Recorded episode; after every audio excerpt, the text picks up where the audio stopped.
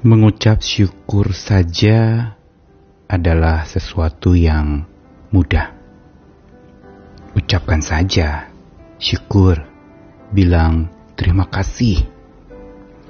Namun untuk mengubah sebuah ucapan menjadi sikap itu perkara seumur hidup dan perlu effort yang kuat, upaya yang keras agar ucapan kita bukan asal bunyi bilang terima kasih, tapi menjadi jiwa di dalam hidup kita, menjadi sikap yang tidak pernah henti untuk diungkapkan. Mengapa ini menjadi penting untuk ucapan syukur menjadi sikap hidup bersyukur? Karena ucapan syukur yang memuliakan nama Tuhan adalah ucapan syukur yang bukan sekedar di bibir saja, tetapi dalam seluruh kehidupan menjadi kesaksian buat banyak orang. Dan ucapan itu juga yang bukan asal bunyi adalah sebuah ucapan yang harusnya selain keluar dari dalam hati, itu juga menguatkan orang lain dan terlebih menyenangkan hati Tuhan. Karena tidak semua ucapan syukur sesungguhnya memuliakan nama Tuhan. Ada ucapan syukur yang lebih sebagai sebuah pemegahan diri. Ada ucapan syukur yang mengedepankan diri sendiri, menganggap dirilah yang utama dan Tuhan hanya menjadi aktor numpang lewat dalam hidup kita. Tetapi ucapan yang memuliakan nama Tuhan adalah ucapan yang tulus lahir dari hati sekaligus menjadi sebuah sikap hidup yang tak pernah berhenti dan orang melihat ada jiwa yang berbeda di dalam hidup kita yaitu jiwa yang terus bersyukur. Mari kita ubah syukur kita dari ucap jadi sikap. Saya Nikolas Kurniawan kembali menemani dalam Sabda Tuhan Roma 11 ayat 33 sampai 36. Oh alangkah dalamnya kekayaan hikmat dan pengetahuan Allah. Sungguh tak terselidiki keputusan-keputusannya dan sungguh tak terselami jalan-jalannya. Sebab siapakah yang mengetahui pikiran Tuhan? Atau siapakah yang pernah menjadi penasihatnya? Atau siapakah yang pernah memberikan sesuatu kepadanya sehingga ia harus menggantikannya? Sebab segala sesuatu adalah dari dia dan oleh dia dan kepada dia. Bagi dialah kemuliaan sampai selama-lamanya. Paulus dalam suratnya kepada jemaat di Roma mengungkapkan sebuah ungkapan pemuliaan atau dikenal sebagai doksologi di bagian akhir dari kitab Roma khususnya pasal yang ke-11. Setelah kalau kita melihat di dalam pasal-pasal sebelumnya Roma 1 sampai 10 itu pemaparan tentang pengajaran mengenai keselamatan di dalam Tuhan kita dan oleh Tuhan kita. Dan dengan panjang lebar Paulus mengajarkan inti dari pelajaran seorang yang menjadi pengikut Kristus yang setia itu.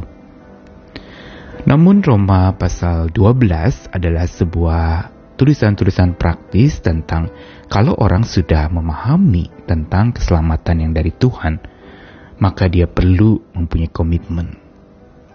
Namun di antara pemahaman tentang pengajaran sampai seseorang bisa meresponi dengan tekad hidup yang baik, ada sebuah tindakan yang memuliakan nama Tuhan. Dan di sinilah Paulus menuliskannya di dalam ayat 33 sampai 36. Sebuah pengagungan akan Tuhan yang dalam kekayaan pengetahuannya, yang dalam hikmatnya, yang dalam juga pengenalan-pengenalannya. Bahkan dengan tegas dikatakan tidak terselidiki keputusan Tuhan, tidak terselami jalan-jalannya, tetapi itu justru menunjukkan kemuliaan. Orang sering kali berpikir kalau jalan Tuhan tidak terselami, kita mungkin menganggap Tuhan itu adalah sosok yang tidak menjelaskan atau sosok yang tidak uh, memberikan kesempatan kepada kita atau memberikan hal yang baik buat kita karena jalan-jalannya tidak terselami. Kita sering kali berpikir Tuhan kita menjadi begitu membingungkan sehingga kita lupa untuk mengagungkan dia yang memang sebenarnya pikiran manusia tidak dapat menampungnya. Karena begitu tidak terbatasnya Tuhan kita. Lalu dikatakan sebab siapakah yang mengetahui pikiran Tuhan dan siapa yang pernah jadi penasehatnya? Pertanyaan-pertanyaan ini adalah pertanyaan retoris yang sebenarnya tidak dapat dijawab karena tidak ada yang mengetahui pikiran Tuhan. Tidak ada yang pernah jadi penasihat Tuhan karena dia Tuhan Allah yang penguasa segala sesuatu. Dan juga siapa yang bisa memberikan sesuatu kepadanya tak ada satupun. Sehingga Tuhan harus menggantikannya, tidak ada satupun. Dan kalimat ini ditutup dengan sebuah pengagungan sebab segala sesuatu dari Tuhan, oleh Tuhan dan kepada Tuhan, bagi Tuhanlah kemuliaan sampai selama-lamanya. Apa artinya dari Tuhan, oleh Tuhan, dan kepada Tuhan?